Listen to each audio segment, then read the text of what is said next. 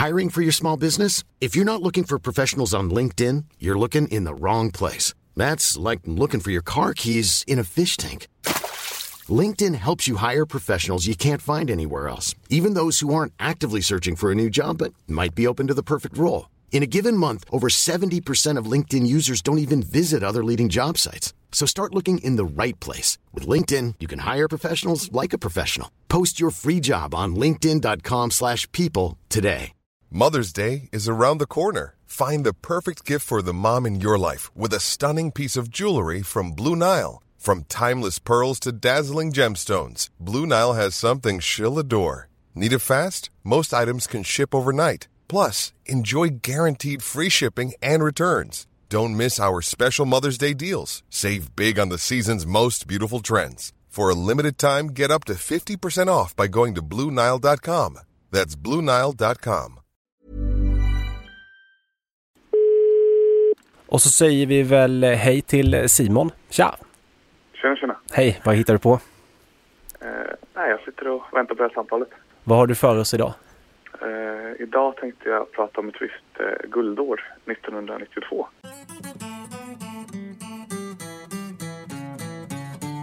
Ja, som, som jag sagt tidigare så är det en gång före min tid. Så du kan få fylla i med lite egna inflikar om du har några. Ja, jag är inte så jävla gammal heller, men jag kan försöka. Du fanns i alla fall. Ja. Eh, nej, men vi hade i alla fall en eh, ganska liten spelarbudget inför säsongen 92. Eh, och, eh, ja, vi hade en eh, ganska dålig ekonomisk utveckling för hela klubben. Och eh, på den här tiden så hade vi fortfarande en gemensam ekonomi eh, för alla olika sektioner. Och, eh, vår A-trupp bestod av eh, endast 16 spelare. Och vi hade lagt ner vårt utvecklingslag och eh, vi hade åkt på inhemskt träningsläger i Båstad. Det så klev vi då in i den allsvenska säsongen. Och eh, vi hade tappat Mats Rodin, Per Harrison, Bo Andersson och Johan Johansson inför säsongen. Men vi hade värvat både Dick Lidman och Christer Nordin som eh, fick betydande roller både det här året och framöver i AIK. ja, klassiska namn får man nästan säga. Mm. Allsvenskan 92 var ju en kvalificeringsserie för mästerskapsserien dit de sex bästa lagen gick. Och, eh, vi började med en premiärseger mot Västra Frölunda från Göteborg eh, med 2-0. Och, eh, efter den segern så låg vi aldrig utanför den här topp 6 då, så det var aldrig riktigt nära att vi skulle missa den här eh, kvalificeringen då. Så vi gjorde en fin vårsäsong spelmässigt och den kanske mest ihågkomna matchen där i eh, 4-4 derbyt mot Djurgården. Mm. Eh, och då hade vi ledningen med 2-0 efter 8 minuter. Men, eh, eller Djurgården hade det. Men vi hann ju vända till 3-2 före paus. Och sen så hade vi även en 4-3-ledning fram till slutminuterna och då, då lyckades Djurgården kvittera. Mm. Och eh, då missade vi alltså chansen att gå upp serieledning. Men eh, sen så, eh, ja, efter en stark vår som sagt rent sportsligt så hade vi ofta svårt att avgöra och stänga matcher, vilket man kan likna lite med i år. Och eh, framförallt så hade vi problem med hemmaspelet, vilket inte går att likna med i år. Och, eh, vi torskade hemma både mot Trelleborg, Norrköping och Örebro. Och det var vissa problem. Eh, Riktiga skitgäng får man säga.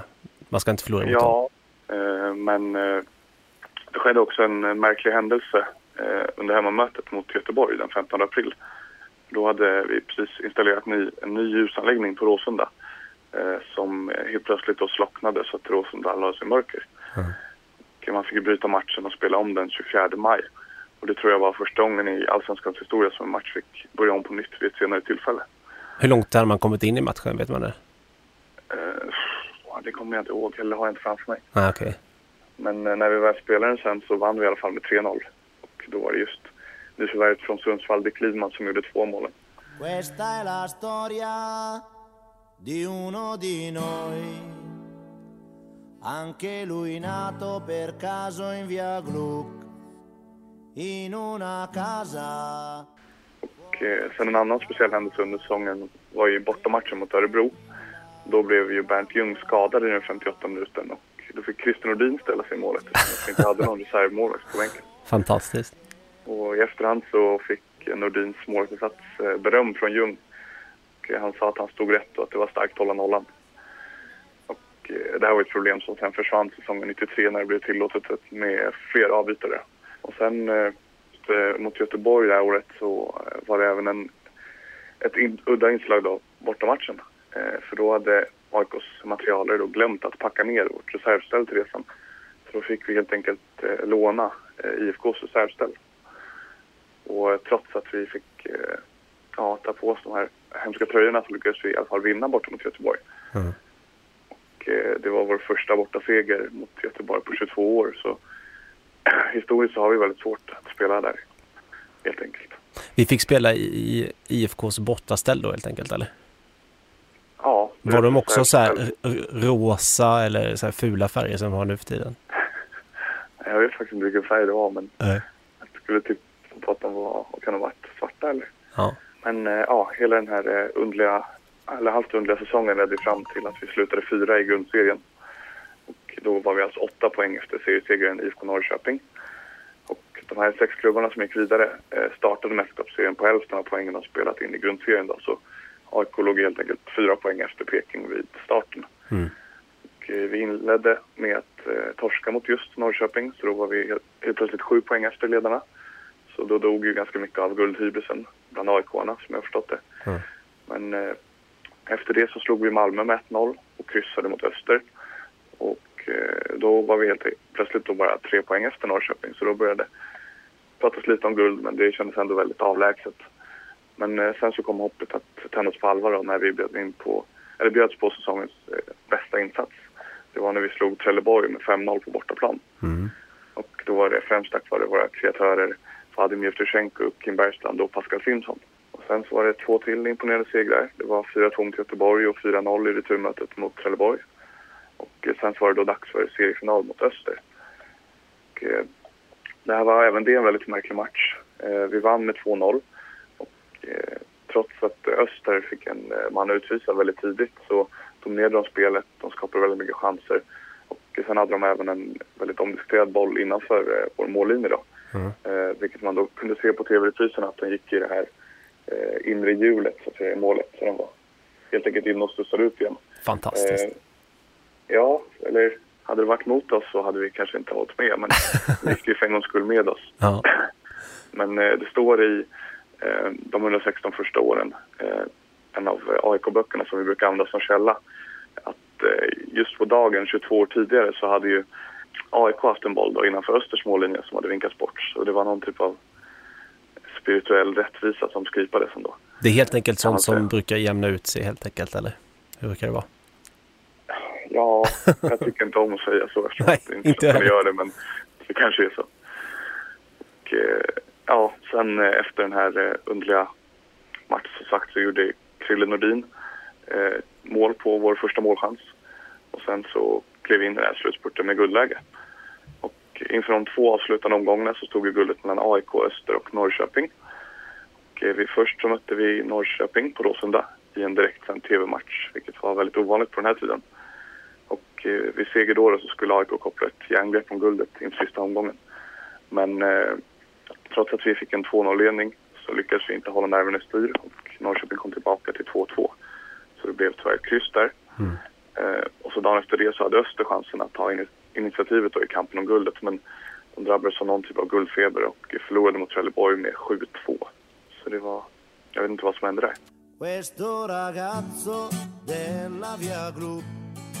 Och, eh, då hade vi ju, eh, som desto fler säkert har koll på, ett guldläge inför sista matchen borta mot Malmö. Och, eh, vi ledde ju med 2-1 i halvlek efter två mål av eh, tidigare nämnda Vadim Jevtusjenko.